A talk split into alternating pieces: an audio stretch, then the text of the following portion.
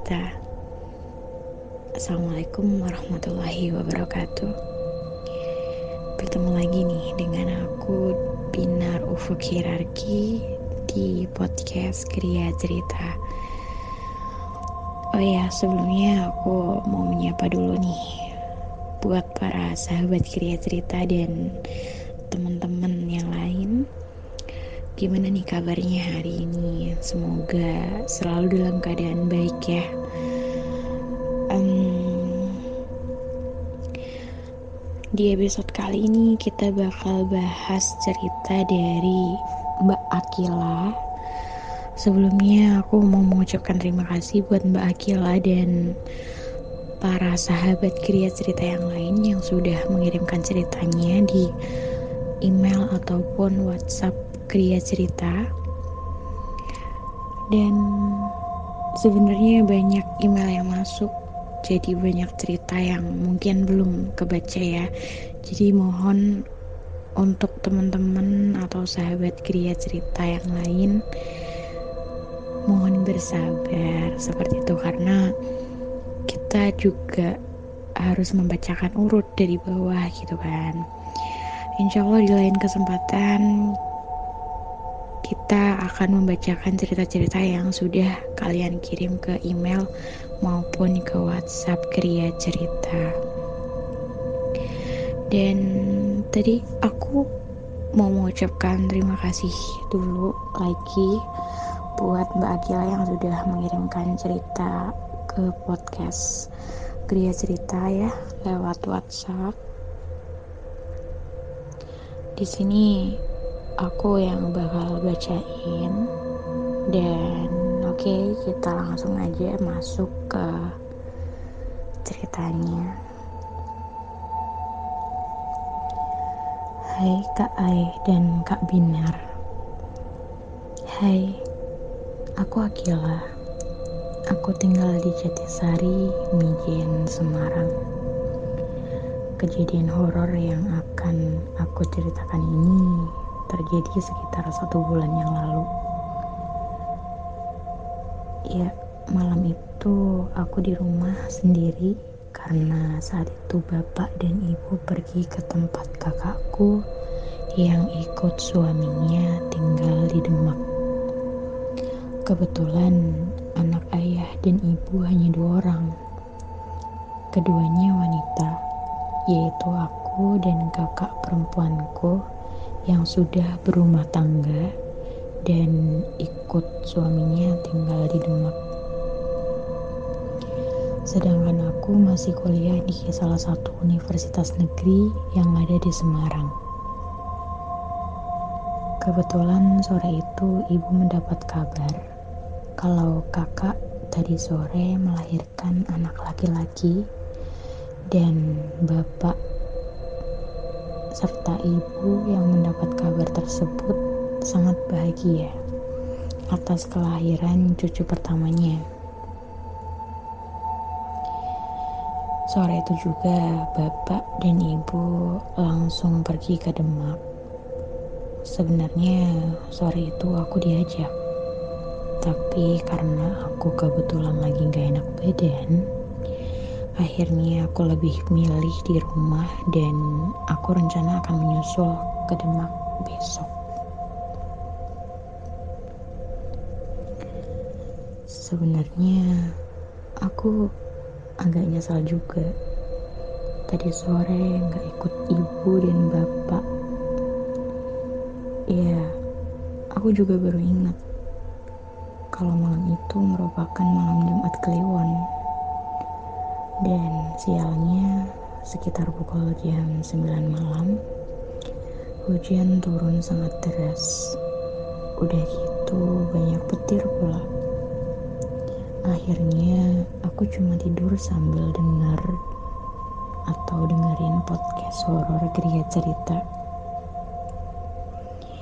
Enak dengerin podcast. Aku sampai ketiduran. Tapi sebenarnya nggak pulas. Ya aku nggak pulas juga sih tidurnya. Karena samar-samar suara Kak Ai yang lagi bacain cerita horor masih sangat jelas aku dengar. Tapi suara Kak Ai yang lagi bacain cerita di antara suara Kak Ai itu aku mendengar suara lain dan aku tahu suara itu bukan bagian dari suara podcast yang lagi aku dengarkan waktu itu samar-samar aku dengar suara gending Jawa dan lantunan sinden seorang wanita. Suara itu sepertinya berasal dari dapur rumahku. Tapi saat itu aku pikir itu suara radio tetangga yang biasanya kalau malam Jumat pasti selalu setel acara wayang kulit gitu keras-keras. Tapi saat aku dengerin ya saat itu aku semakin terganggu karena suara gending Jawa itu semakin keras. Bahkan lantunan sinden itu pun terdengar sangat keras. Dan aku yakin suara itu berada di dalam rumahku dan Aku ingin rasanya berteriak sekeras-kerasnya ketika aku melihat sosok wanita bermuka hancur muncul menembus pintu kamarku yang tertutup. Wanita itu muncul menembus pintu dengan perlahan sambil melantunkan menyanyikan sinden dan tubuhnya meliuk-liuk menari menggunakan selendang berwarna merah darah. Kalau saja saat itu aku bisa berlari dan berteriak, aku akan berlari dan berteriak. Sayang, tubuhku sangat sulit untuk digerakkan. Bagaikan tertindih benda yang amat berat aku lakukan saat itu hanya baca-baca doa sebisanya di dalam hati. Karena mulut aku pun sangat sulit digerakkan. Untungnya setelah aku baca-baca doa sebisaku, tubuhku kembali dapat digerakkan.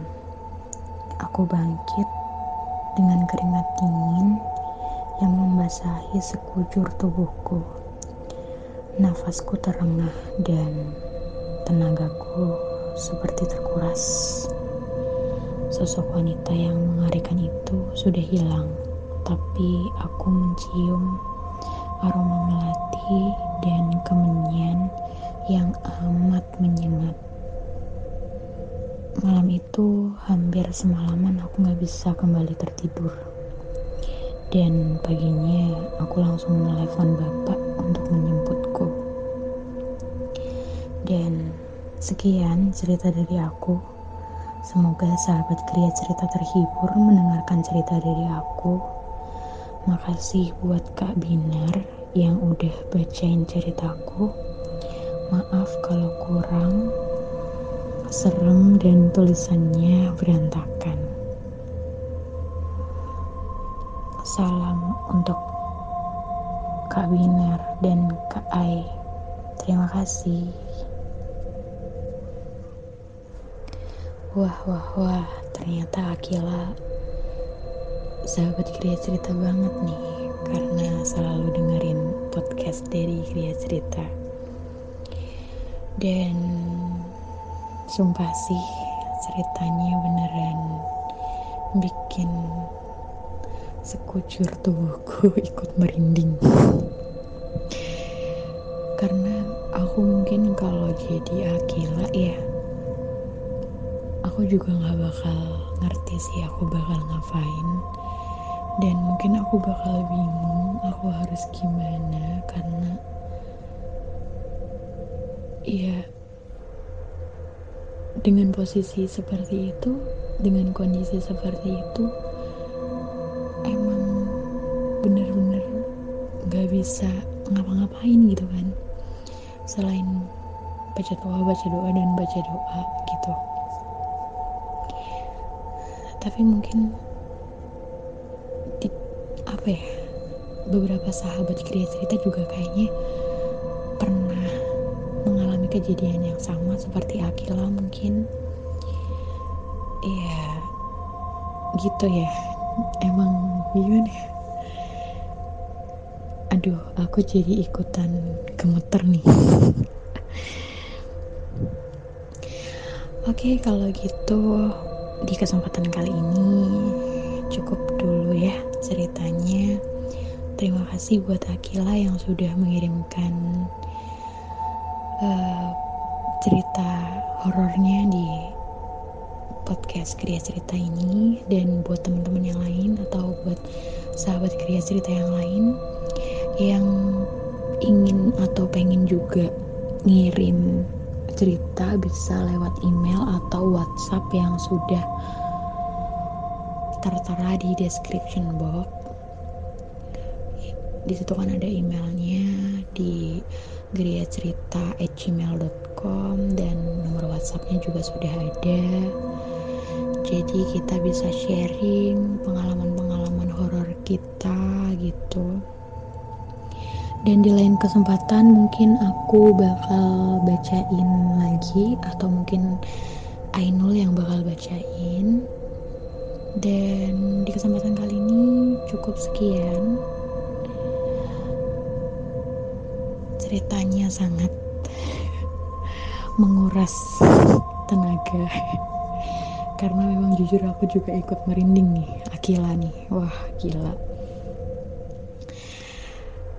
Oke, kalau gitu